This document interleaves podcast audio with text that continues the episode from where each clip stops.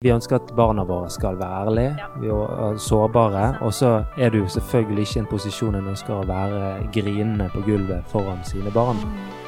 Men likevel så har de på en måte sett en, en far som òg trenger tilgivelse. Eh, som ikke er fullkommen. Eh, som trenger Jesus. Og, og ja, det, det er jo noe de tar med seg.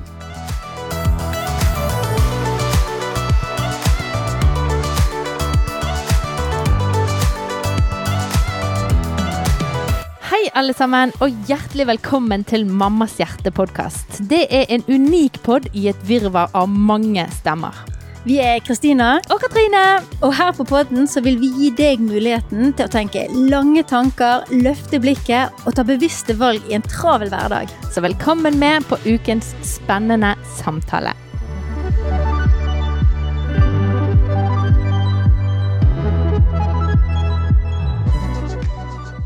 Hallo, hallo, og hjertelig velkommen til en ny Prat på Mammas hjerte-podkast. Vi er veldig glad for hver eneste Hver eneste dag vi lever. Nei, Hver eneste dag vi lever, ikke er minst. fall. Ja. Det er vi veldig glad for. ekstra glad for disse dagene med pod. Ja, disse dagene vi får møtes, Kristina, det er sånn jeg står opp om morgenen og bare sånn Yes, i dag er det Kristina-dag. Det blir skikkelig Åh, det er veldig gøy. gjensidig. Ja.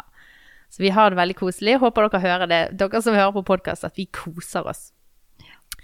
Og, øh, og i dag så har vi med oss noen gjester i sofaen. Hei, Arve og Katrine. Hallo, hallo, ja. Hallo. Vi, eh, vi gleder oss veldig til å, å, å høre deres historie. Men først må vi bli litt kjent med dere. Vi kjenner jo dere litt grann fra før. Eh, Katrine, du var jo innom podkasten tidligere i høst og snakket om dette med økonomi og hvordan man gjør eh, eh, med barn og økonom økonomilæring. Og det var jo utrolig spennende å få litt nye tanker og ny inspirasjon inn der. Uh, og i dag har du dratt med deg uh, husbonden i Ja. praten. Mm, Ja. stemmer. Eller Det vel jeg egentlig som har dratt den inn på. Nei, men Arve, du har jo vært uh, og delt litt om din historie, som vi også skal få høre litt i dag, rundt omkring. Og jeg tenkte at det her passer jo bare perfekt inn i det vi snakker om for tiden. Så det er en ære å få lov å ha dere her og, og, og ta oss med inn i denne tematikken. Virkelig. Dette blir skikkelig bra. Så hjertelig velkommen. Har du lyst til å begynne litt? Hvem er forteller de harde fakta om Arve Valde. Ja, det er hardt og brutalt. 38 år. Um, jeg har um, Katrine som kone. Vi har fortsatt fem barn. Mange vet jo litt om det. Eh, akkurat, eller akkurat, jeg begynte ny jobb som pastor i høst. I august. Så det vært spennende. Logokirken Ja, på, på Nesttun. Nesttun. Så det er veldig spennende. Der er jeg oppvokst, i Ja. de gatene der. Såpass. Så jeg kjenner godt til med, med menighetshuset der, eller bedehuset og gatene rundt omkring. Så det er et, uh, utrolig gøy å se når ting bare vokser og blomstrer i gamle trakter. Det er Ja. stas.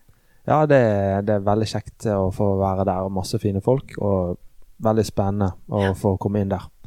Ehm, ja, det, så har jeg jo vært lærer i mange år og, og spilt en del fotball opp igjennom. Ja, og, På ja. korene. Det er viktig å si Det er er lag. viktig å si laget. Det som er sikkert mest kjent, heter Brann. Det var i 2003 til 2005. Ja. Så jeg fikk med meg et cupgull der.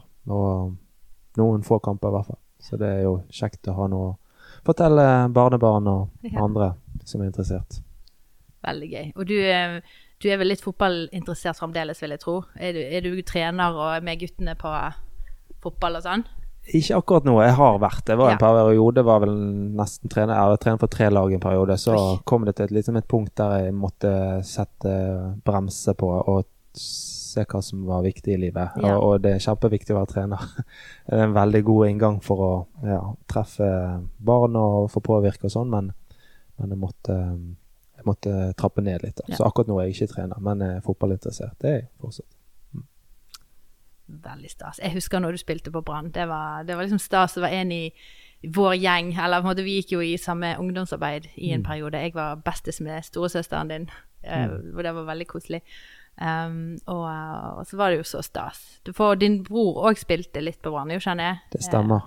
Han var der litt etter meg, vi var der ikke samtidig. Da. Men Ja. han fikk eh, seriegull i 2007, og han fikk nok kamper til det. Så vi har jo en fin samling i familien nå. Ja, tenk på det. Det syns jo vi var stas. Til og med jeg Altså, Dere som kjenner meg her på podden, vet jo at jeg er jo ikke mye sportsinteressert. Men jeg var faktisk med i Apostlenes røde gærninger. Eh, og jeg var ikke der for fotballens skyld, jeg var der for guttenes skyld. for det der var eh, noen veldig kjekke gutter som eh, man uh, kunne henge med. Og det var sånn, eh, sånn hva heter det når du er en sånn supporterklubb? Så var det en liksom kristen vri da på den supporterklubben som lagde om disse her sangene hvor de bandt og steikte, og så hadde vi sånn Å, vi velsigner de Det var veldig kleint. Sånne kristne vrier på disse her slangene, da. Nei, men det var Jeg syns det var veldig koselig. Det var en familie som bare åpnet hjemmet sitt, og nå hadde jo de fem gutter som var veldig fotballinteresserte. Men de bare åpnet hjemmet sitt og lot liksom mennesker bare komme og gå, og, og, og få skape et miljø seg imellom. Så det, var, det, det preget min oppvekst, i hvert fall. Denne familien. Jeg var innom der, jeg òg, faktisk. Ja. Så det var veldig stas. Mange gode minner derifra. Og du Katrine, du, hvis det er noen nye lyttere, du, hvem er liksom, hva er essensen av Katrine, hvis du skal bare ta en kjappe Hva er det du driver med for tiden? Ja, det er et veldig godt spørsmål. Jeg, har, jeg sa det på forrige pod at jeg nettopp har gitt meg med boligstyling. Sånn helt og fullt. Jeg har drevet det i ganske mange år i eget firma sammen med en god kollega. Så jeg kan ikke svare sånn helt konkret. Eh, og så har det vært litt helseutfordringer etter hun minste kom. På den ene og den andre måten. Så hun er nå blitt fire.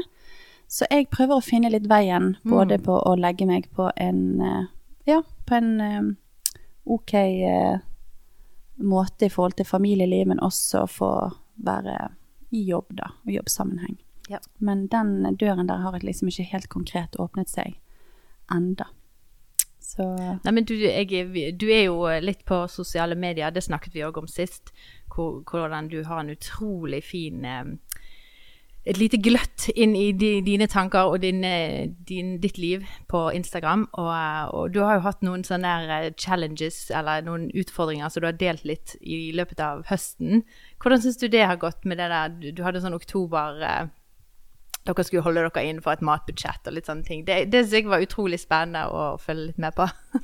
ja, altså jeg er jo det du kan kalle et prosjektmenneske, da. Jeg er veldig glad i prosjekter der jeg kan gå for et mål og ja, utvikle meg langs veien. Så da ble jo det sånn at familien ble lidende nok en gang under et prosjekt. Jeg tror ikke de lider så mye med dine egenskaper til matlaging. Jeg er helt eh, imponert. Du lager noe godt ut av hva Det er så spennende å følge deg og se hva du får til. Hva synes du, er, er du enig det? Jeg er faktisk helt enig. Ja. Hun imponerer meg og eh, fortsatt til stadighet. Og det, det altså Eh, det som jeg vil trekke fram, er jo at hvordan klarer å vri noe godt Altså, det smaker så godt da, ja. av noe som bare lå i skapene. Ja. Uh, og det, det er, er ekstremt imponerende. Ja da, hun er, hun er, ekstremt god på det. Så vi, vi lider ikke sånn veldig, syns jeg, da. Um, det er liksom sånne her, uh, små goder som vi må stå Altså frokostblandinger og litt sånne ting som kanskje ungene kunne satt pris på og sånn, men det det vi lider absolutt ingen nød i det hele tatt. Og det er litt gøy å gjøre noe sammen som familie. Hvordan har du, Når du sier liksom at dere måtte kutte noen av de der tingene så du vet ungene Jeg går jo og kjøper der, denne ene tingen som jeg vet han eller hun spiser, for da vet jeg at de i hvert fall får denne ene men har, de, har, har, du merket at det har preget ungene sin måte å tenke om mat på? Når du har gjort det, tatt vekk noen sånne ting som var på en måte i, i gåseøyne unødvendig, men de har jo fått nok mat. Men, men, det har vært sånn at man har prioritert litt annerledes i innkjøp, da. Ja, de har merket det, fordi vi har ikke hatt like stor tilgang på alle disse hermetegn godene da, som ja. vi kanskje har, har, hatt det lett for tidligere. Men vi har jo alltid begrunnet det med hvorfor vi gjør det vi gjør, og det gir de forståelse, og da kan jo de vite hvorfor, som jeg tenker er veldig bra. Um, men de har jo også, altså, De er jo ikke sånn kjempeglade i linser og bønner, yeah. selv om jeg prøver å putte inn proteiner der jeg kan når det er litt lite kjøtt. Eh, men eh, jeg tror det har med Dere har vært innom det tidligere, vaner. Sant? Du må gjøre ting over en viss eh, lengdeperiode for at man skal eh, ja, få de inn. Sånn at, eh, og, og, så tenker jeg at vi er jo en familie som snakker veldig mye sammen, og jeg er jo veldig åpen for tilbakemeldinger på, på godt og vondt.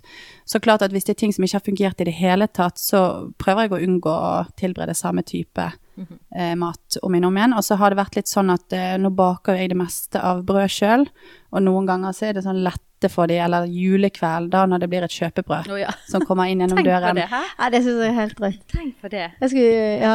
For meg har det vært julekveld med motsatt. Det er sant, det er akkurat det jeg satt og tenkte på. Det er jo julekveld hver kveld hjemme hos dere, Ja. eller hver morgen. Men for det, eh, det jeg ville poke litt frem til, da, er jo dette med at um, i, i vår eh, måte å handle på i dag her i Norge, jeg tror de fleste er sånn, så har vi tilgang til absolutt alt. Og kan kjøpe oss det vi har lyst til, og det ungene har lyst til. Ungene lærer seg egentlig nesten ikke å bare spise fordi at nå har vi det, og da spiser vi det. Selv om gjerne ikke det smaker helt akkurat sånn som det jeg hadde lyst til i dag, eller Eh, og den har irritert meg veldig ofte, at vi, vi ikke Vi setter oss ikke i en situasjon hvor vi eh, ikke har mulighet da, til å bare kjøpe noe vi har lyst på, eller uh, kjøpe den muslien som akkurat det, den ungen spiser. Men at en unge kan det Steinar utfordret meg litt på det. Vi var jo inne på det i poden med, med Jeg tror det var da han og Petter var med. I forhold til det med matboks. At han utfordrer Ja, jo da ungen til å Ja, men da må du bli skikkelig sulten og gå på skole da uten mat, for, eh, for eh, da finner du nok på i morgen hva du kan spise for. Liksom. Men, men har dere opplevd at de liksom spiser på en annen måte? At de eh, at no, For du, du har jo da ikke hatt mulighet Du har ikke hatt disse eh, alle disse godene, alle disse valgene i huset, da. Eh, men da går det gjerne og finner seg noe annet som Altså en gulrot istedenfor en, en muslibar, da.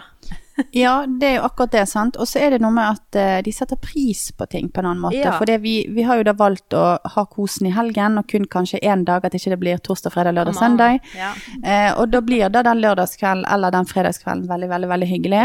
Og så er det noe med at de spiser jo opp det de da velger å finne fram. Altså, av, de må jo smøre sin mat sjøl. Ja. Ikke hun minste da på fire, hun får god hjelp av søsken av og til. Men, eh, men jeg, jeg opplever egentlig at det kommer veldig mye positivt ut av det. De setter pris på det, de, de forstår penger. Eh, I hvert fall når vi har et konvoluttsystem, så ser de pengene. De ser hva ting koster. Eh, og jeg merker jo det at ungene er bevisst på å ikke sløse. Ja. Ta vare på. Så det kommer liksom frukter ut av dette som jeg ikke hadde tenkt der og da at var strategien eller var målet i seg sjøl. For jeg tenkte jeg liker jo utfordringer. Sant? Jeg liker jo å kunne strekke meg. Og da var det det klarer vi å spise god mat, syv stykker for 1500 kroner i uken. Ja, det går faktisk. Eh, og, og da kom det da alle disse tilleggsfruktene da, med at ungene er blitt bevisst, de vet hva ting koster, de hiver ikke, de, de er takknemlige da. Så, så liksom ting som har kommet ut av det som jeg ikke tenkte dere da skulle komme ut av det, som har blitt veldig fint.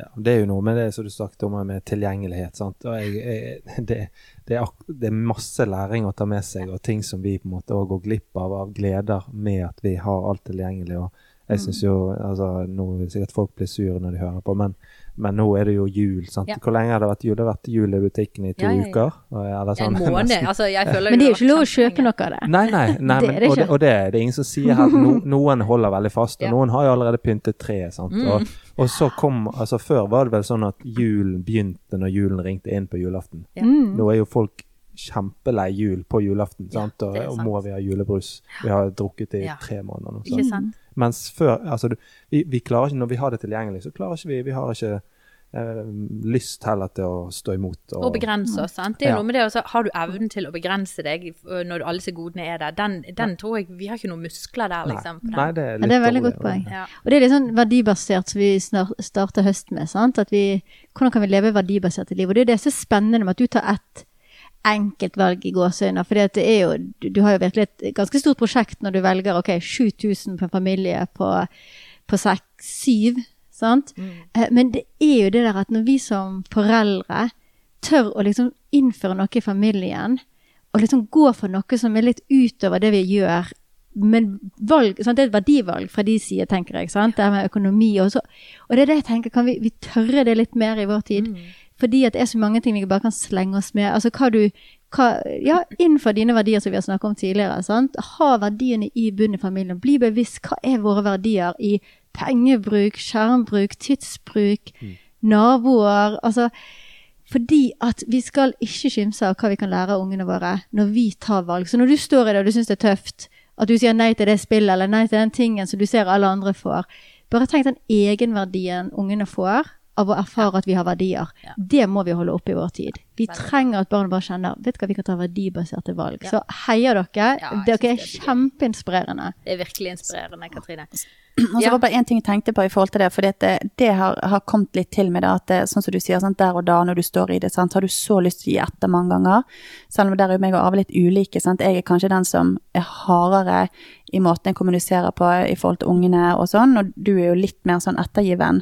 Og det er fint at vi har begge deler, men, men da når, eh, når du der og da kjenner at åh, ungene mine sånn, griner, de blir lei seg, de skjønner ikke der og da, så gi det litt tid. Og så snakk med dem, og prat med dem. Og så ser jeg sånn som i år nå, så kommer hun eh, ene jenten min, så sier hun du mamma, kan vi være så snill å ikke pynte før 1. desember i huset vårt? Og da tenkte jeg, har du fått med deg dette?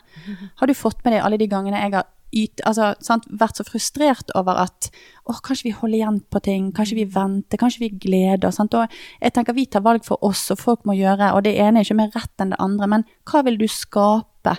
i ditt hjem? Hva vil du liksom løfte fram, som du sier, sant? som verdier? Og, og liksom de der skattene der du får innenfor husets fire vegger, med hva dere blir enige om, hva dere skaper, det er så nydelig. Og da kjente jeg bare der og da bare åh, dette har du lagt merke til, og dette skal vi gjøre, og dette skal vi møte. sant?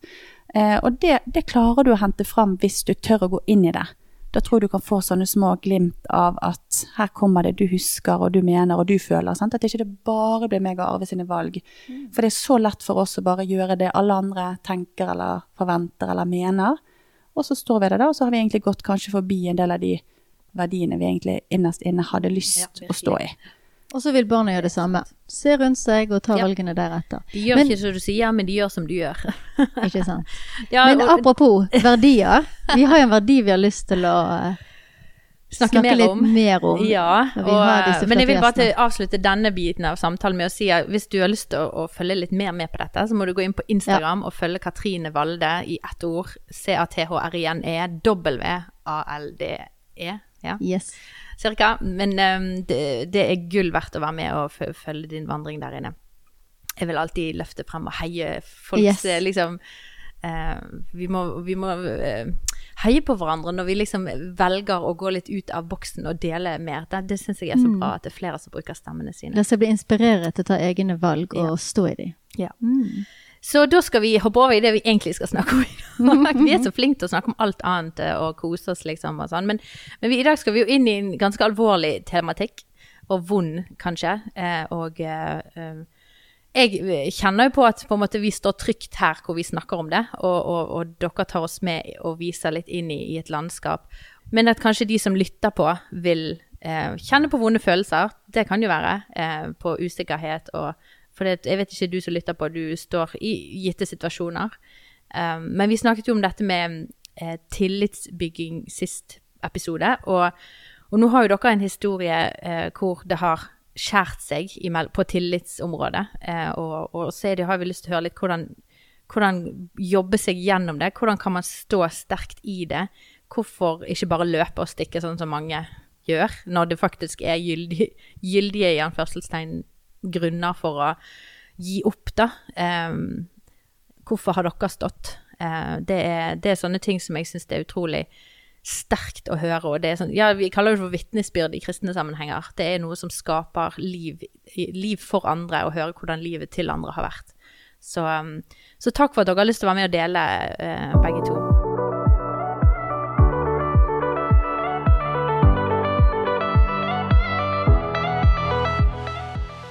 Arve, du skal egentlig få lov å begynne litt først, og, og bare gi litt bakteppe for der du kommer fra. Eh, Det som har skjedd. Mm. Historien. Ja. Ja. ja nei, Så vær så god. Jo, takk eh, for det. Jeg har jo delt eh, Ja. litt historien eh, ulike plasser. Men eh, grunnen til at vi er blitt invitert her, det har vel sin ut, sitt utspring i at jeg eh, har eh, slitt med spillavhengigheter, spillavhengighet. Ja. Og det startet jo veldig tidlig. I 10-11-årsalderen Mm. så eh, begynte jeg på automater som sto rundt omkring, og det var min vei inn i det. da. Eh, ble liksom fascinert av det da allerede. Det var jo tilgjengelig overalt. Og eh, fikk òg tidlig vite at det, det var lurt å holde seg unna, ikke bruke for mye tid og gi det for mye oppmerksomhet. Mm. Men det, det, var noe som eh, pirret meg der, da. Så jeg holdt det skjult eh, i ung alder òg. Så gikk det litt sånn opp og ned, men jeg holdt fast med det der og syntes at det var gøy. Og eh, etter hvert som jeg vokste til, så fikk jeg jo litt penger, mer penger tilgjengelig. Jeg fikk eh, flere muligheter, og innsatsen økte eh, med mulighetene. Og eh, merket i ganske ung alder at jeg ikke hadde helt kontroll. det tok jeg med meg videre. Så traff jeg jo Katrine. Mm på ungdomsskolen på Danielsen. Um, og um, vi ble sammen i ganske tidlig alder. Og hun òg visste at jeg spilte litt uh, sånn her og der, men det gjorde jo veldig mange. Og ja. det var kanskje òg liksom fotball uh, Veldig mange fotballmiljøer holdt på med det. Men den, hvis vi stopper opp litt der, da, for ja. den syns jeg er litt interessant. Det med at eh, man For jeg tror dette kan tale til mange avhengigheter. sant? Mm, At det, mm. det, er ikke bare her gjelder det spill, men om det handler om eh, trening, spising, sant. Mm. Eh, eh, alkohol eller eh, hva andre ting var det vi var inne på. Ja, pornografi. pornografi og, ja. så kan jo vi si på en måte med enkelhet, eller på en måte vi kan være, vise tuppen av isberget mm. og, og, si at ja, jeg, jeg har litt vant Jeg syns det jeg ja, jeg er jo Jeg holder jo litt på her, sant. Jeg er jo, syns jo dette er litt kanskje kjipt, men så viser ikke du egentlig dybden av hva, hvor alvorlig mm. det stikker i deg, da, og hvor, hvor alvorlig grep det har om deg. Mm. Og, um, og, det og her Fordi at jeg opplever at det er lett for oss å gjerne snakke om det, men hvor ærlig er, du, er vi egentlig i de samtaler, da? Ja. Eh, så bare Ja. Mm. ja og, det, og, akkurat det der er jo noe av det som jeg brenner for å ja. løfte fram, da. Ja. Eh, dette med åpenhet og ærlighet om livet. Mm -hmm. eh, og det, det, har jo mye med stolthet å gjøre. sant? Vi, vi, vil ikke vise våre dårlige sider, og vi er mennesker, og det er greit. sant? Men, eh, men jeg tror likevel det er så enormt viktig, da. Også dette fasadelivet som vi holder på med i veldig stor grad, som, som er med på å egentlig fyre opp under det der at vi, vi skal ikke vise svakhet. Og, og det er noe av det som gjør at eh, jeg har vært, og vi ønsker å løfte dette fram da, ja. for å åpne opp for andre. Um, men for ja, så, så min historie videre, så var jo det uh, Spilte jeg opp igjennom, og så uh, vi, vi var jo sammen ganske tidlig, og i tidlig 20-årene, eller akkurat 20, kanskje. Mm. Så hadde vi lyst til å ta steget videre i vårt forhold. Skulle gifte oss. Og eh, det var kanskje da det smalt eh, skikkelig for første gang. Mm. Jeg, ja, var ikke det? Jeg tror det var en gang tidligere òg. Var det en gang tidligere? Ja, det kan mm. være. Ja, det var i hvert fall mm. Hun visste at det var et problem. Eh, ja, jeg hadde, jeg hadde, hatt utfordringer tidligere, og det, -hmm. det, stemmer. Og det hadde jo hele veien. Men jeg mm. skjulte det jo så godt jeg kunne. Og eh, en uke før bryllupet så hadde jeg spilt vekk uh, i hvert fall 70 000 som mm. skulle mm. gå med til bryllup. Mm. Og det er jo en Ja, vi snakker om tillit og uh, det med at og Katrine hadde den bakgrunnen som hun hadde òg, mm. var jo ikke med på at dette var noe som var en god inngang i et ekteskap. -hmm. Så det ble jo en vanskelig, veldig vanskelig greie da, en uke før vi skulle gifte oss. Mm. Hvordan, da er det sikkert mange som spør eh, seg i hodet, da. Mm. Nå bare prøver jeg å høre lytternes spørsmål. Så. Altså, en ting er på en måte det, det er gøy, sant, på det nivået av at eh, her det, det, er jo vinner, Man vinner jo mye penger òg, sant. Det er jo det at man går inn fordi at eh, man ofte vinner, og det trigger jo til mer spill og mer trykk, eller hva man Ja. Men her er det jo på en måte Her går jo man vel viten inn med penger som på en måte er satt av til noe som en sjøl òg eh, syns det er viktig, da. Mm. og, og, og hva, hva, var det litt sånn, tenkte du at ja, men hvis jeg nå faktisk vinner noe mer og stopper det, så kan jeg faktisk gi mer inn i bryllupet eller inn i ekteskapet? Var det litt no ja, altså jeg, jeg, skjønner jeg henger veldig med på det du sier. For, for, for, for min del så har ofte ikke Altså, baktanken har mm -hmm. ofte vært god, ja. hvis det går an å si det. Eh, men, eh, men det, det, er jo eh, løgn, altså hele greiene. sant? Men, men det òg som er for de som ikke har vært under avhengighet, så, så slår ikke konsekvenstanken inn. Nei. Så du det som, Når du først er inni det, så, så klarer ikke du å tenke hva, hva, Vet du hva du holder på med ja. nå? Eh, og så er det òg en sånn Av og til slår han inn, du, men sånn, da har du en desperasjon. Sant? For hvis du har spilt vekk eh, 30 000 av 70, ja så må du vinne det tilbake. Ja, ja, ja. Og så du, og så kan jeg kanskje si det òg, at eh, du har spilt litt vekk, men da vil du pynte på det. Så, eh, sånn at eh, du, du vil holde det lengste, og sånn at det ikke blir for store, i hvert fall i mitt tilfelle, økonomiske konsekvenser før jeg eventuelt hadde sagt det. Men, men hvis jeg da jeg, jo, jeg, jeg klarte jo aldri å si det uansett. Mm. Så selv om jeg kom tilbake på null, på en måte, så tenkte jeg ja, men da trenger jeg ikke å vite noe Nei, likevel. sant. Ja. Så, så det er jo en sånn uh, sirkel av løgn og Ja. usannheter og Ja. skam sant, Ja. og ting. Og så er jo det dessverre for min del at eh, både før bryllupet, men òg etterpå, for jeg, dette har jeg jo slitt med hele livet fram til for seks-syv år siden, Mm. um, så, så var det sånn at jeg alltid måtte bli fersket. Jeg klarte aldri å bli mann nok til å si 'nå har det skjedd', eller 'nå kjenner jeg på dette'. Eh, og det er jo noe som jeg virkelig en, en gate som jeg ønsker at færrest mulig skal gå ned. Mm. Eh, men det er jo så vondt og vanskelig, Ja. da. Og så sårer du de du minst av alt ønsker å såre. Det er de det går mest utover. Og det er jo sånn eh, i alle typer avhengigheter og alle ting som vi strever med. Så, så er det jo det at eh, det går mest utover de du minst ønsker det skal såre. Jeg bare tenker så, så for en elendighet å være stuck inni, da. Eh, avhengighet, da. Hvordan eh, både du, du, du, du? Man skal jo absolutt ta ansvar, og man er ikke ansvarsfraskrevet selv om man er i det der, men det er jo som du sier, at avhengigheten er jo så dyp at det går utover konsekvenstenking, og det er faktisk noen logiske baner her som, som blir eh, svekket, da. Eh, men hvor inni det der eh, møljen av drit hvor vanskelig det er å komme seg ut av. Jeg bare ja, kjenner litt på det når du beskriver da, at der står du eh, og ikke klarer å reise deg opp fordi at eh, du vil jo ikke bære til byrde, og du vil jo være den, men, men det, det, det, det blir så vanskelig da, og på grunn av at det tynger så utrolig. Jeg bare tenker det er en veldig vanskelig situasjon å være i. Ehm, ja, virkelig. Ja, det, det er jo det. Og, det, men som sagt, du klarer kanskje ikke å sette det helt inn i det hvis ikke du har vært der. Ja. Men jeg tror jo òg, og spesielt som kristen, så handler jo dette om det livet som du òg, men eh, om det er kristne eller ikke, men løfter fram sannhet. Sant? Eh, hvem ønsker jeg å være som person? Eh, hva er verdiene egentlig som jeg ønsker å stå for?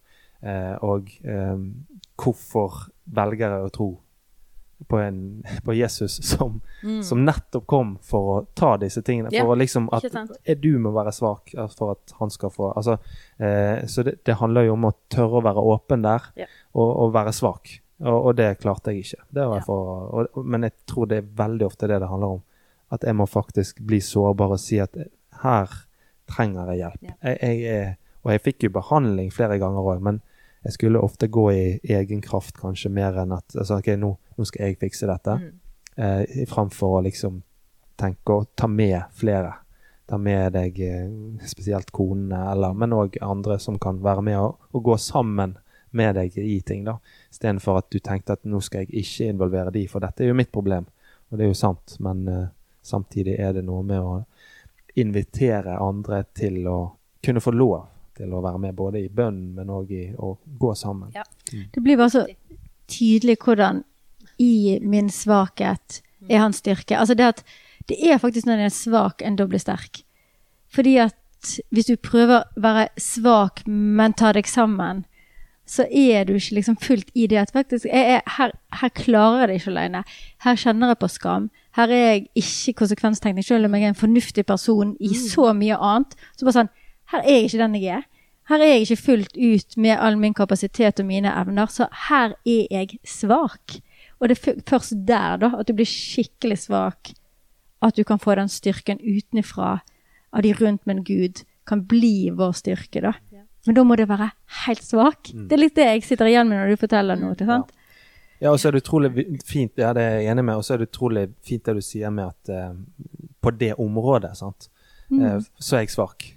Fordi at eh, for min del så ble det jo sånn at eh, jeg, jeg var, tenkte jeg var en drittsekk på alle områder. Nettopp. Fordi at dette var et område jeg var svak på, og som fikk påvirke meg, og selvfølgelig i forhold til tillit, og, men du føler jo deg som en drittsekk og verdiløs, sant, og en sviker Ja. og en dårlig mann, og altså alt, en dårlig far og alle tingene, sant. Da Og, og, og Ja. det, Det er jo fordi at eh, det, det får farge, eh, og det er jo det jeg òg ønsker å nå ut med, at du er ikke avhengighet. Sant? Mm. Du, er, du har et område som du strever med, men du er mer enn det. Ja. Ja. Så- For da blir jo kostnaden å være ærlig på det så enormt mye større. Når Ja. du tror at det er hele deg som Ja. nå blir avslørt. Men det er faktisk denne biten av deg, da, denne, der synden har fått kommet inn, der du på en måte er i krig, egentlig. sant? Mm. Det er ikke hele deg, men hvis en tenker, og det er jo det avhengigheten gjør med oss, sant? at bare, oi, dette er jo meg, ok, nå er det, dette er det sanne meg, da koster det å bli. Ja. synlig. Oi, oi, oi.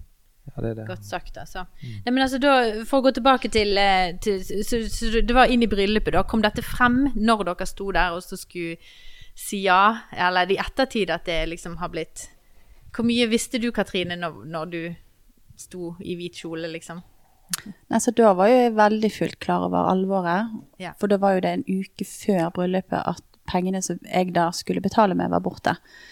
Ehm, men dette her var jo en, en sånn rar opplevelse av at når du over lang tid har kjent at det er noe som ikke er sånn som det skal, så blir det en sånn veldig klar bekreftelse på at det du har tenkt og følt, er sant. Da blir det veldig sånn eh, På en måte sånn, så kan jo jeg og da kjenne meg dum der og da fordi at jeg burde ha fått mer hjelp, sant. Jeg burde ha, ha involvert enda flere. Det er klart noen ble jo involvert fordi vi trengte altså, pengehjelp. Sant? Vi skulle på ferie etter hvert etter vi giftet oss, men før òg. Hva gjør vi med de 70 000 vi ikke kan betale? Vi må ha hjelp til å betale det. Eh, så sånn sett så ble det åpnet opp òg fordi at jeg mistet jo alt av krefter fysisk og ble jo utmattet før den uken før bryllupet, sant. Så um, Men det var jo på en måte å Apropos det dere snakker om i forhold til å, eh, forpliktelsen, sant. Det var, vi gikk jo inn i forpliktelsen egentlig med eh, veldig mye sår. Veldig mye Altså masse tillitsbrudd. Eh, og, så det var jo på en måte et utgangspunkt. Jeg husker det liksom eh, Ja, lenge i tiden etter vi var gift, at det liksom Det føltes ikke bra, da. Det var jo et kjempeturbulens eh, første år, i hvert fall. Og de påfølgende åra var, var vanskelig. Mm. Um, for vi fikk jo barn ganske raskt. Uh, og da kommer jo litt den der eh, Det kommer et annet behov inn, Ja. sant? Så du må rette ditt blikk og oppmerksom mot. Men vi hadde jo ikke Vi var jo ikke på plass mm -hmm. uh, i vår relasjon. Uh, og det var i hvert fall ikke tillit til stede. Mm. Ja. Så hvordan gikk det da innover, for, bare for å få liksom, historien, da? Eh, dere var ikke helt eh, eh, på plass, men, men hvordan opplevde du på en måte avhengigheten? Eskalerte det? Det for det er jo noe med at når, når man er i, i mørket, så dras man gjerne lenger inn, eller så Ja. For, fikk det noe mer alvorlige konsekvenser etter hvert? Ja, altså det, det Det er jo sånn at etter du blir fersket på noe, og det er jo det som skjedde her, sant? Så, så er det ikke så vanskelig å holde seg unna. For da har du det så friskt i minnet, og Ja. nå skal jeg skjerpe meg, og så klarer du jo det en stund. Da svir det ganske godt, liksom, i Ja, det gjør Ja. det.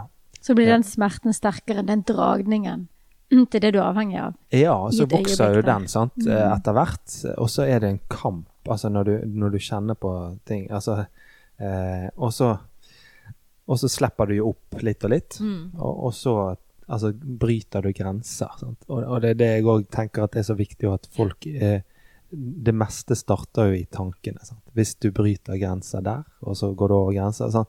Eh, Dere snakket om utroskap. Så jeg tror ikke det er noen som bare går og er utro. Nei, det har skjedd ganske Mm. mye før du går til det steget. Ja. Så, eh, og da, der eh, åpnet det opp og opp mer og mer, og så til slutt sant, så eh, så ga jeg etter for det. Jeg tenkte at det var ikke så farlig, og det, det er jo på en måte bare for å kose seg litt. Sant? Mm. Og det er vel sånn det er med mange avhengigheter Også, da. Ja. Og, så det var jo veldig mange fall etter det, da. Eh, selv om jeg gikk til behandling og Ja, og så ble jo det en pådragende gjeld vi måtte slepe med oss. Så det var jo en direkte konsekvens som var veldig vanskelig. Og så har jeg liksom tenkt tilbake igjen, sant? for vi var jo en del av et kristent miljø på det tidspunktet. Og det var ganske krevende å være i dette her og ha ganske få plasser vi kunne snakke om det. Og jeg kjente for min del som både skulle holde en rolle av å være mor og en ektefelle og delaktig i jobb og alle plasser, sant? så var rommet for å være meg og kjenne på de følelsene jeg kjente på, egentlig ikke til stede. Og jeg tenker på Arvåg, som gikk og gikk, og vi klarte ikke å kommunisere. Og vår kommunikasjonsform var jo egentlig bare å angripe fra min side. Og Arve ble passiv, og så løp han eh, på et eget rom og spilte. Sant? Og så var vi tilbake igjen til, til, en sånn katt og mus-lek der jeg skulle leite og finne, og så skulle jeg dra han ut i offentligheten, og så skulle jeg kjenne på han i offentligheten i hermetegn i vårt hjem. sant? Mm. Så det var jo veldig mange år vi dreiv med dette, og så klarte vi da å holde en slags fasade.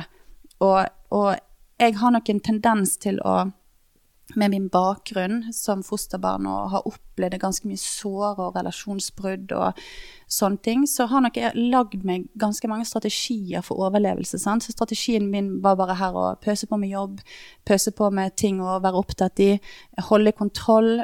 Kontrollbehovet mitt økte veldig. Mm.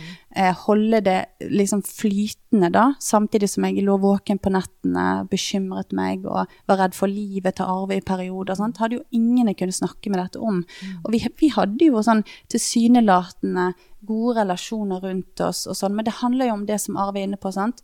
Det å tørre å la mennesker komme fullstendig nær. Det å tørre å slippe garden og si 'jeg makter ikke, jeg klarer ikke'.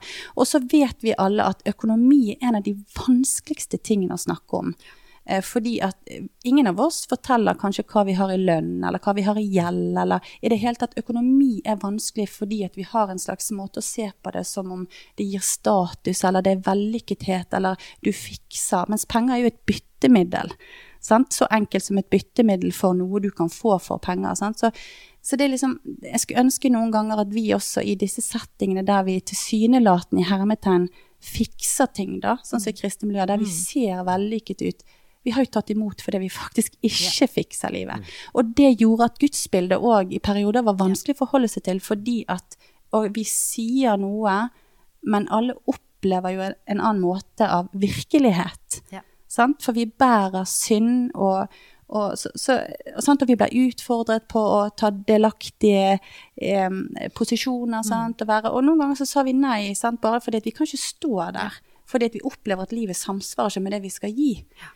Um, så det er, jo, det er, jo, mange av disse erfaringene her nå når vi har kommet oss ut på andre siden, at vi kjenner vi må dele, vi må gi, og, ja. og vi brenner for og det, og det blir emosjonell når jeg snakker om det, men det at um, vi får lov å stå som pastorpar i en mm. menighet der han har et spillgjeld, gjør at alle de medlemmene som er der, um, anerkjenner mm. Arve som person, eh, og den gjelden og det som har vært hans mm. åk, mm. ikke får ha begrensninger for det han også kan få være for mennesker. Da. Mm. Og det er jo det evangeliet er.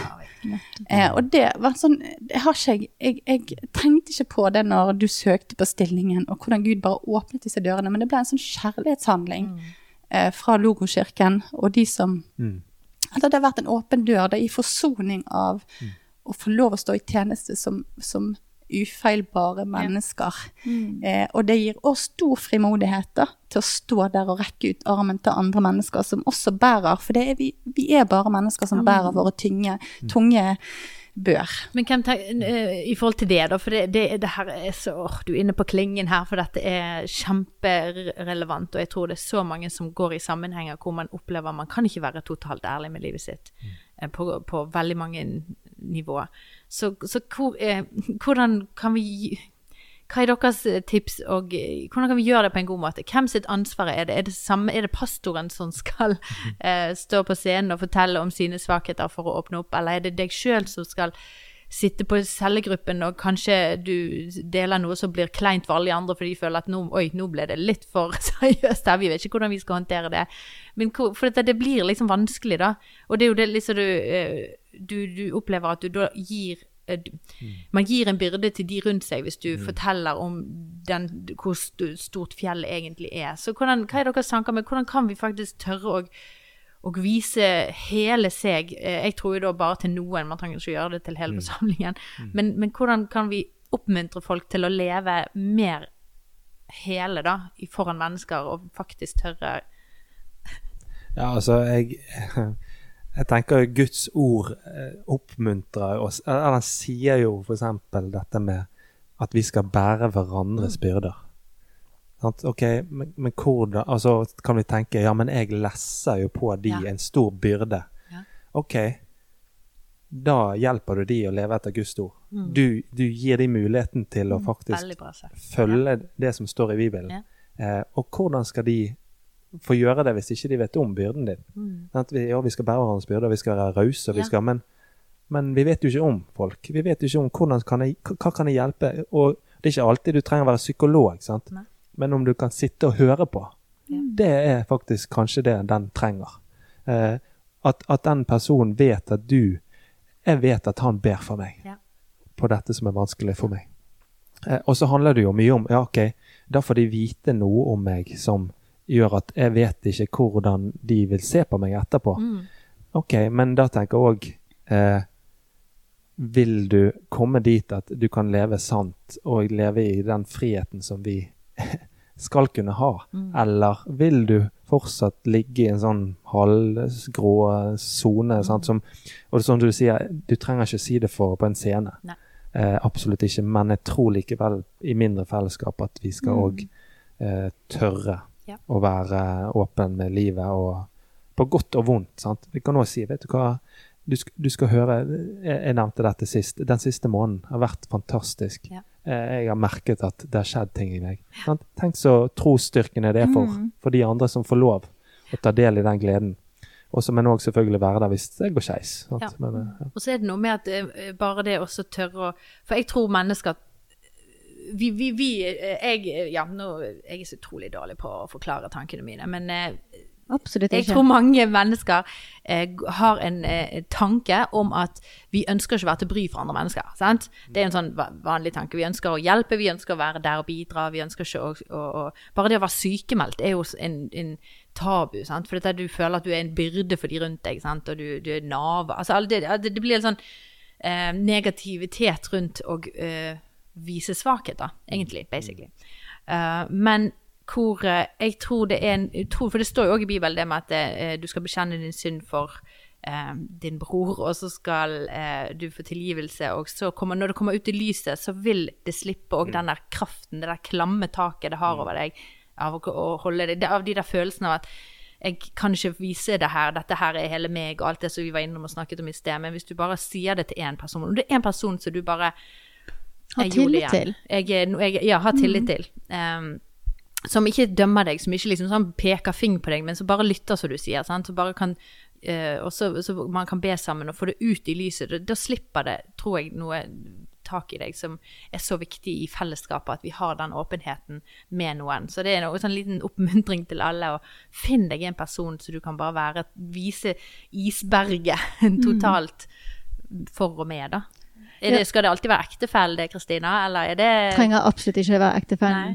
Eh, jeg tenker det, det har vi jo snakket om, at det er viktig å snakke sammen mm, Ja. som ektefeller. Men det er her det er kanskje litt viktigere noen ganger at ikke ekteskapet skal bære alt. Ja. Eh, fordi at spesielt hvis det er sånne ting der en må bygge tilliten i parforholdet, sant? så må en snakke sammen om det. Men kanskje den veien å gå, spesielt for eksempel hvis en er avhengig av pornografi, så er det ikke ektefellen som skal være din accountability partner, som vi snakket om sist. Sant? At det er utrolig viktig og for å ha et sterkt ekteskap, å ha dette relasjonene utenfor ditt eget hus, eh, der du bygger livet og sammen med andre som du stoler på, som deler din tro. Og for Jeg har lyst til å smette inn her sant, at dette med at vi lever i en tid der vi skal være så ærlige og autentiske, Ja. og så har vi sosiale medier, så blir det å være ærlig på livet, det å være mest mulig ærlig der det er synlig for alle. Og det er igjen en fasade. Ja. Når det kommer til stykket, så kan en bare gi et glimt, og det glimtet du gir, er ikke sikkert det som setter alle helt og fullt i frihet. Og så tenker en at for at jeg skal være ærlig med livet, så må det være så enormt synlig. Men jeg tror vi er inne på noe her nå at det handler jo om å være ærlig med livet der du kan bekjenne. Ja. Der du kan få bli satt i frihet, der du kan få merke at noen ser deg og fremdeles tåler deg. Ja. Uh, og få lov å sette deg i frihet fra det. Og så kan en være ærlig i større forsamlinger da, sant? Det er ikke alle som skal ha en pod, det er ikke alle som er en pastor, det er ikke alle som står på en scene. Men jeg tror folk vil merke Ja. hvis du er satt fri av noe. Jeg tror de vil merke det på måten du møter dem, sånn som dere også sier. Sånn, Den rausheten en kan ha for menneskene. En veit hva det vil si å slite, og en har tatt et oppgjør med det eget liv. En får lov å kjenne Guds nåde og Guds frihet.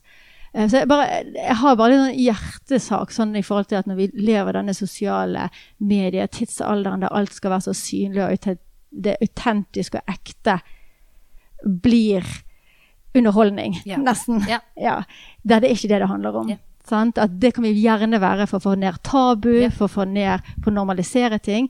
Men når du skal ta et oppgjør med livet ditt, da trenger du relasjon. Ja. Og det tror jeg Gud kaller oss til. da. Virkelig relasjon. Det det å være bærer av hverandres byrder. Det å elske hverandre, som det står i Bibelen. Vi elsker hverandre, og ved det skal folk oppleve Gud. Altså, vi, vi ser han ikke, men hvis de kan oppleve at vi som kristne elsker hverandre Og hva er det å elske? sant? Ja, Det vil jo òg være å bære byrder og, og gi byrder, sånn som du sier, Arve. Ja. Gi folk muligheten til å gå i det. Med deg. Kjempespennende. Hei, Kristina her. Du, jeg er firebarnsmamma, teolog og familieterapeut. Og så lurer jeg på, har du lyst til å gå dypere i dette med verdier og gode vaner som mamma? Da har jeg en mammaportal for deg. Den heter Mamma sammen, og her vil du få konkrete verktøy som bl.a. en habit tracker og bønneguider. Og vi har temasamlinger hver måned til inspirasjon, og her vil du få et fellesskap av andre mødre som heier på deg. Sjekk ut mammasammen.no, eller følg oss på Instagram mammasammen.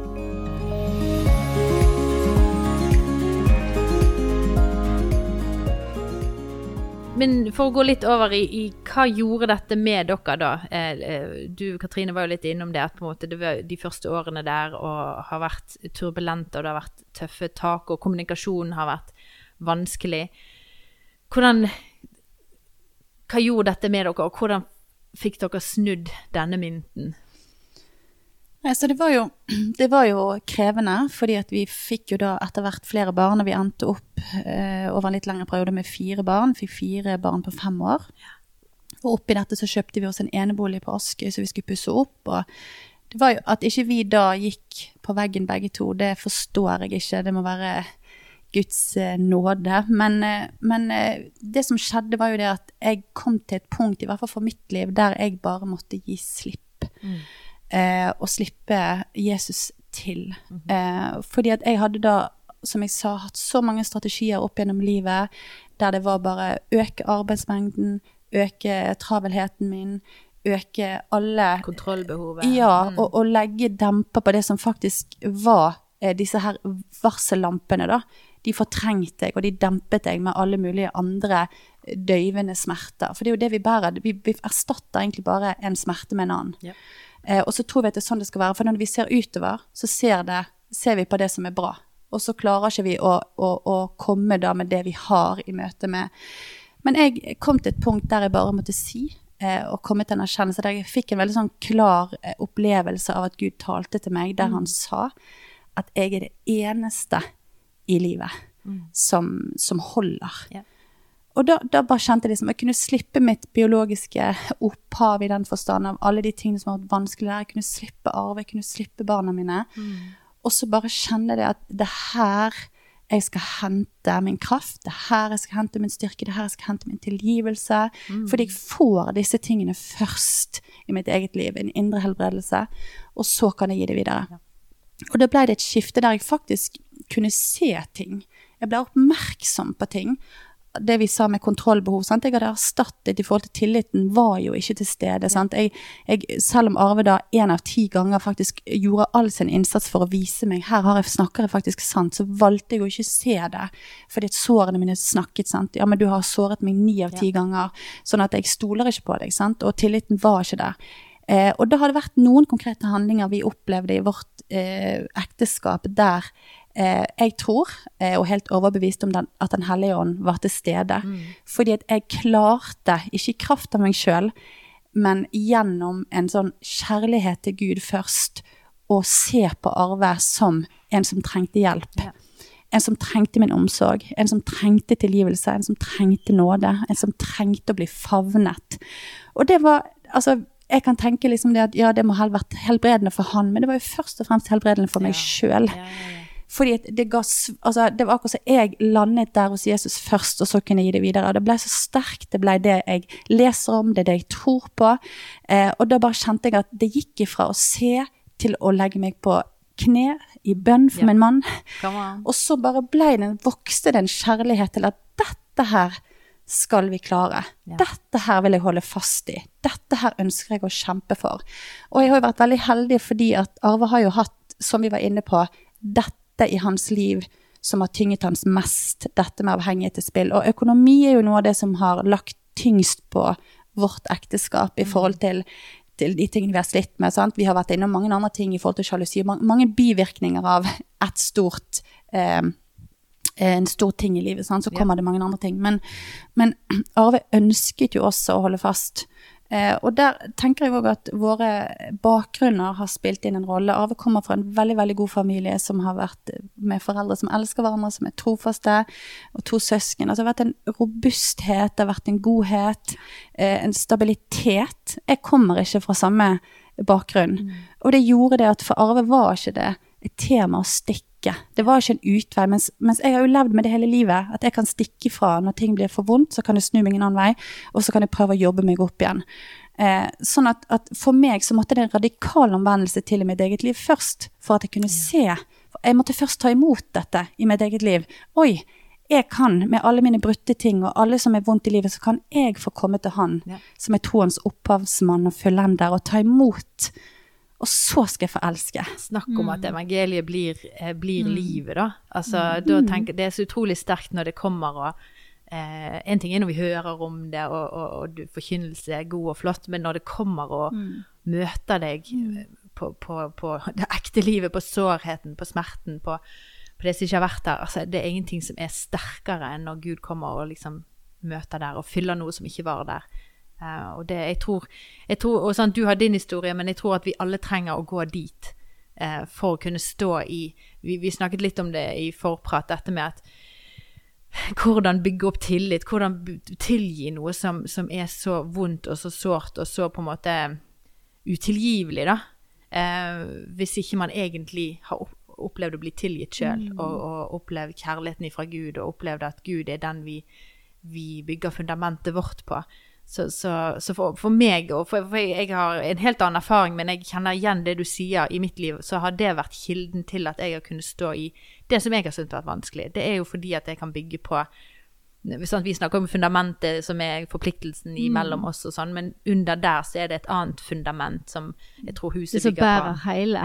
Det som bæ- bærer hele kreasjonen, huset som vi bygger som ekteskap, men hvor, hvor jeg som menneske, som individ, må bygge eh, meg opp på, med mine verdier, mine grunnholdninger, mine eh, eh, evner må komme ifra. Altså, jeg evner ikke, vi som mennesker evner ikke å tilgi eh, noe som har vært utilgivelig. Det heter utilgivelig av en grunn, eller noe som har blitt gjort, påført oss altså, av traumer som, som er vi evner det ikke i oss sjøl. Og det er jo der jeg tror vi må, alle mennesker må forstå at vi trenger Jesus for å klare Yes. å tilgi, for å klare å ta imot eh, tillit, for å klare å bygge opp igjen tillit. Vi, og, og liksom løs deg litt ifra det. Det er ikke noe du skal klare sjøl, det er ikke noe du kommer til å fikse sjøl. Vi trenger hjelp her.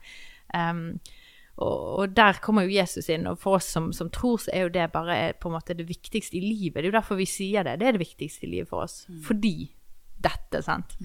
Og da syns jeg det blir så sterkt å høre din òg historie, Katrine. Hvordan alt det som du har opplevd av traumer i livet, kan òg falle på dette fundamentet. Og så bare kjenner du at her er det solid, her kan jeg bygge noe. Her kan jeg stå og møte Arve med en kjærlighet, med en, omsorg midt i alt det her vonde, da. Det er utrolig sterkt, altså.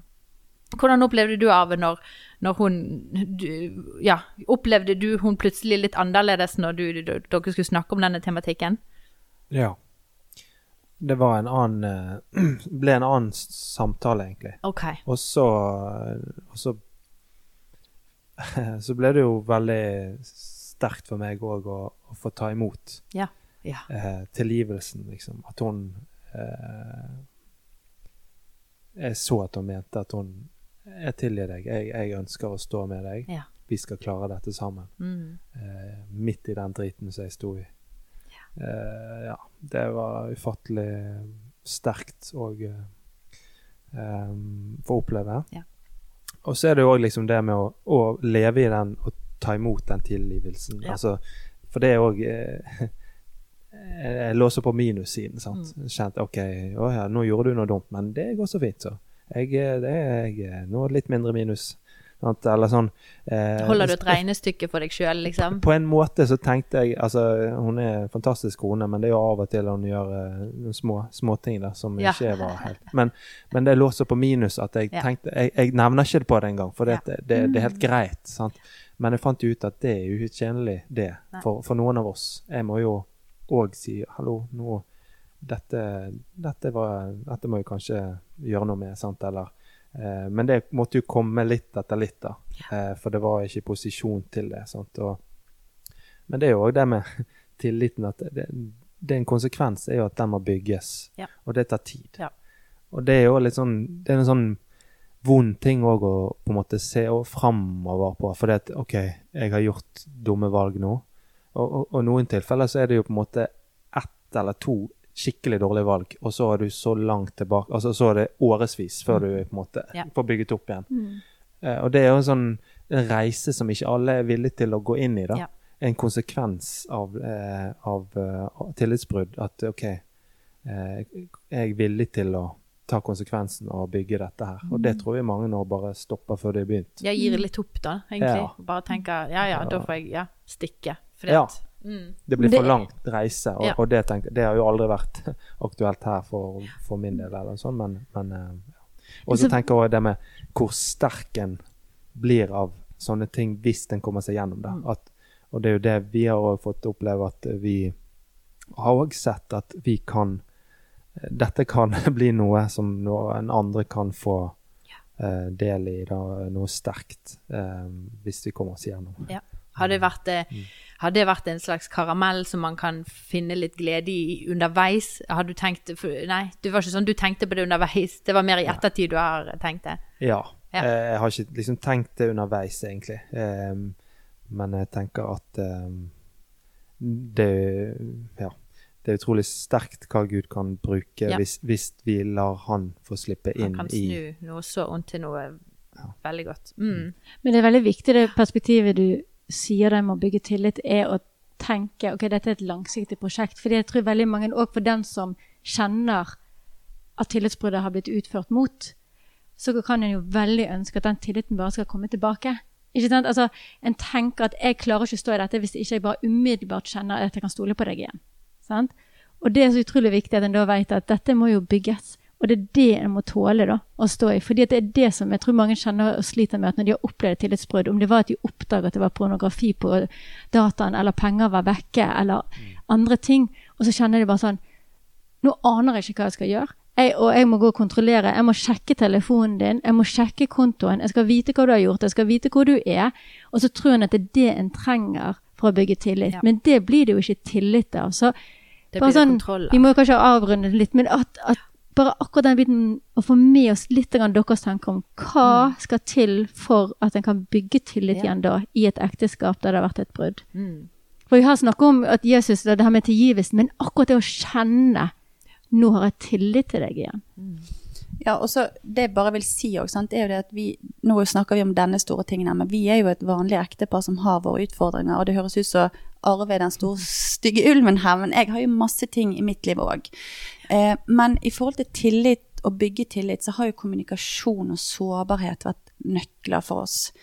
Eh, jeg kommer nok, Så lenge vi får være her på jorden, da, så kommer nok jeg til å ytre de gangene jeg kjenner at jeg er usikker, eller ytre de gangene jeg lurer på, eller, eller de gangene jeg bare kjenner Nå kjenner jeg på følelsen av usikkerhet. Nå kjenner jeg på følelsen av, av at, eh, at eh, kanskje det ligger noe her. Adresser det, og gjør det i en tone av ikke anklagelse, men hjertet bak. Og det har vært litt vår vei i måten vi har klart å kommunisere. Sant? For nettopp det Arve sier, at det er fort og det havner i grøften av at ok, men det var ikke godt nok, jeg får det ikke til, og jeg kan aldri komme i mål. Jo, vi er ferdig med det som har skjedd. Det som har, vi har bedt om tilgivelse for, det er glemt. Og så kan vi jobbe i dag, og vi kan jobbe i morgen, det er det som ligger foran. Men da må vi tørre å være sårbare begge veier. Så det er så konkret at jeg kommer og spør når det vekker noe penger som jeg ikke har jeg øver meg på å slippe kontroll, for jeg skal ikke ha kontroll over alt. Og det har vært en negativ ting i vårt ekteskap som jeg fremdeles hele tiden må ta meg sjøl i å slippe. Eh, daglig kontroll. Eh, men da kom og si du, jeg lurer på hvorfor disse pengene er vekke, kan du forklare det? Og gi muligheter for òg eh, andre tanker enn dine egne. Fordi vi er jo to mennesker med ulik eh, tanke for hva vi skal bruke pengene våre på. Sant? Så det er, det er så mange lag her av ting en må både snakke om og, og vise tillit i, i det dagligdagse. Og så har det òg vært en vei i dette med å gi tillit til Arve i farsrollen. Gi tillit til Arve i ekteskapet vårt, gi han plass. Sant? Altså, alle disse tingene her som da vi må jobbe opp, og vi må være på vakt for eh, at det er likhet. Sant? Fordi jeg bærte i en periode, så betyr ikke det at jeg på noen som helst måte har en høyere posisjon eller har mer jeg skulle sagt, eller at mine ord veier tyngst. Det er en kommunikasjon her, og jeg tror sårbarhet og kommunikasjon og tilgivelse Mm. er kjempeviktig. Mm, ja, og så det der Ja, jeg er helt enig. Men det der med at jeg må Du må ta ansvar i forhold til å komme i forkant. Mhm. Altså komme i forkjøpet og, og si Vet du hva, i dag så kjente jeg på veldig Mm. lyst til at jeg hadde lyst til å spille. OK. Det, takk for at du deler. Og, og det kan være sånn sårbar. OK, hvis jeg sier det, Mm. så begynner hun å, da begynner det å skje noe. Da begynner hun å stresse. OK, men da begynner hun å stresse, da. Men du har kommet i forkjøpet. Du har tatt det steget. Du må ta konsekvensen av OK, da begynner hun å stresse, men jeg har, jeg har sier sannheten. Ja. Og ja, jeg, det er på en måte å prøve å bygge det igjen. da? Og, og på en måte være svak og si at og i dag faktisk trykket jeg på panteknappen. Jeg pantet flaskene, og du vet, jeg trykket på panteknappen. Mm. Det skulle jeg ikke gjort. Eh, jeg vant ingenting, men det er, sant? det er sånne, sånne ting. Eh, for det er jo for det at sånn statistikken viser at vi vil jo falle igjen. Ja. Og hva er planen da? Mm. Hva, hva, har du, hva har du tenkt å gjøre da? Hva er strategien din da? Ja. Mm. Så det blir jo på en måte for den andre partneren å ha respekt for det som må bygges opp inn i den personen som har vært avhengig òg.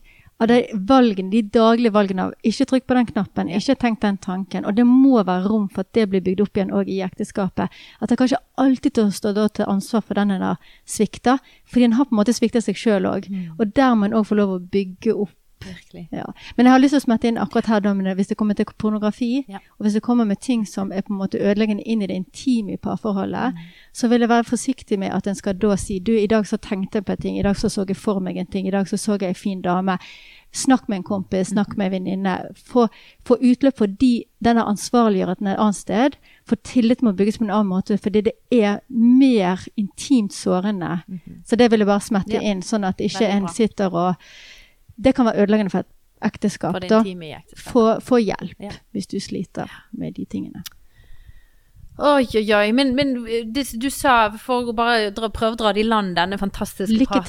til. Ja, takk skal du ha. Eh, Du sa at for en seks-syv år siden så, så på en måte skjedde det noe eh, hos deg, Arve. Eh, hva var det som skjedde da? En, en endring, en, en eh, Ja, Du sier man vil jo være et, vil være et svakt område hele livet, men allikevel så har det vært en endring etter de siste seks-syv årene. Kan det stemme? Ja, det var jo et skikkelig oppgjør eh, Mm. i, eh, i, i Spania, eller på en ferietur, eh, som, som ble et virkelig møte der Katrine møtte meg på en litt annen måte enn Mm. en, eh, hun hadde gjort før. Eh, der jeg måtte, jeg måtte innrømme for mine barn hva jeg hadde gjort, for jeg hadde falt. Mm. Og jeg måtte se de og snakke med de og fortelle de eh, som var store nok til å skjønne litt av det, da. Mm. Hva som hadde skjedd, og hvilke konsekvenser det fikk. Eh, og, og da eh, Og så ba de for meg, da. Ja. Eh, de, de på en måte Hun snudde det til at eh, og, og så at eh, han ønsker ikke å være her. Eh, han trenger meg, han trenger oss. Eh, vi løfter det framfor Gud og ber for han og, og ønsker å gå sammen videre. Eh, det betyr jo ikke at ikke måtte, konsekvensene måtte tas av ting, men, men det, det, det, endret noe, da. Mm. Og jeg tror ikke Eller jeg har, jeg har ikke spilt etter det, tror jeg. Altså, det, har ikke, det var vel da det på en måte var siste. Eh, og så var det jo òg noen oppgjør som jeg har tatt da, i seinere tid. Mm. Eh, noe gjeld som jeg har gjort opp, noen ting som jeg har gjort konkret. Mm. Og etter en av de tingene som jeg gjorde, som jeg følte Gud minnet meg om, så slapp det suget, da, Mm. som jeg alltid har kjempet mot. Mm. Eh, så det var, det, der vet jeg at Gud gjorde noe, da. Mm. Og det jo, tror jeg, noe at han kan minne om ting du kanskje må ta oppgjør med. eh, som kan ligge og ha knyttet deg eller ha bundet deg. Og gjennom det så kan det gjøre at du kan bli fri fra ting, eller i hvert fall eh, kjenne mindre på en sånn ja, dragning. Ja. Wow, altså for det er jo det at eh, mange snakker jo på en måte gjenopprettelse eller helbredelse som en slags momentant Mm. greie, men ofte så er jo det en nesten en livslang prosess. Jeg synes det er utrolig sterkt. Uff, nå ble jeg emosjonell her, men det hører jo alltid hjemme i denne podkasten. Men, men hvordan dere som familie plutselig tok Dette er ikke deg, nå er det oss. sant? Og hvordan det ble en slags familiekamp eh, rundt deg. Altså, det var utrolig sterkt. Hvordan det bryter noe. At, bar at barna kan komme inn og eh, være med. Tenk disse sm små barn, sant? men det er så utrolig mektig når de får være med i alvorlige, alvorlige situasjoner. Vi har vært innom det tidligere med at på en måte det finnes jo Man skal jo ende gjennom, gjennomarbeidet eh, visse følelser før man skal dele dem med barna, men, men det er noe utrolig mektig å ha dem med i disse prosessene. Og, og, og stå med de. Eh, jeg ja, syns det var utrolig sterkt, altså. og, og hvordan skal vi som på måte, Ja. vi, vi ønsker at barna våre skal være ærlige, Ja. vi er sårbare, og så er du jo selvfølgelig ikke i en posisjon en ønsker å være grinende på gulvet foran sine barn. Men likevel så har de på en måte Wow. sett en, en far som òg trenger tilgivelse, eh, som ikke er fullkommen, som, eh, eh, som trenger Jesus. Og, og ja, det, det er jo noe de tar med seg, selv om det på en måte settingen òg ikke var sånn som en skulle ønske. Mm. Det er kjempesterkt. Oi, oi, oi. Nei, takk for at dere deler, altså. Eh, sterke liv som er levd bak dette her. Eh, det, er det er ikke bare enkelt å sitte og snakke om, og, man blar frem følelser og situasjoner, men, men tusen takk for at dere gjør det. Fordi at En ting er at dette er deres eh, konkrete situasjoner, men jeg tror at dette taler så mye til andres eh, konkrete situasjoner, som kan være andre problematikk, men, men bare hele temaet som dere bringer opp, og hvordan Jesus står i det, og hvordan dere har møtt hverandre med tilgivelse, og det er sterke saker som, som er universelle, som, som jeg tror Jesus har til deg som lytter på oss, så fins dette for deg òg. Det er ikke bare for Katrine og Valle, dette er for deg òg, der du sitter med dine utfordringer og i deres ekteskap. Så søk Jesus for, å, for å høre hva skal til, og hvordan Hjelp. Bare om det så er bare rop ut 'hjelp'. Det gjør jeg ofte. 'Hjelp, Jesus, jeg får ikke dette til'. Så tror jeg han svarer mer enn det vi eh, av og til eh, eh, tror. Mm. Nei, men eh, har dere noen, er det noe dere brenner inne med før vi takker for i dag? Katrine hun brenner alltid inne med Arve peker på Katrine. Har du noen trøstende ord eller noen oppmuntrende ord til um, de som ja, eventuelt står i en lignende situasjon? Å, ikke gi opp. Ja. Det er håp. Um, ja. Og det er så fint at du nevner dette, Katrine, for dette er for alle. Sant? Gud er en stor Gud. Han ser til den ene. Han elsker alle like mye.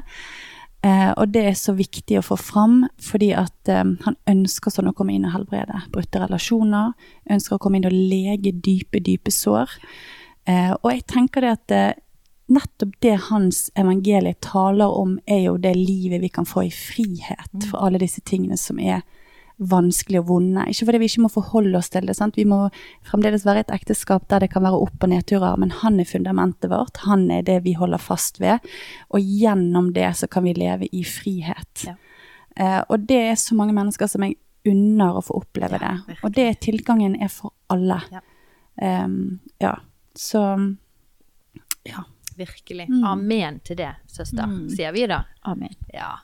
Så tusen takk til at dere kom og brukte deres dyrebare tid. Eh, den er dyrebar. Eh, takk for at dere forteller historien. Eh, Gud velsigne dere i alt det dere står i. Det er veldig spennende å følge med dere, det må jeg si. Mm. Så takk for i dag, Kristina. Ja, dette var fint. Ja. Så får vi se hva neste ukes tema blir. Men eh, den som venter, den eh, venter i spenning, den får høre. Verdt å vente på, i hvert Verdt å vente på.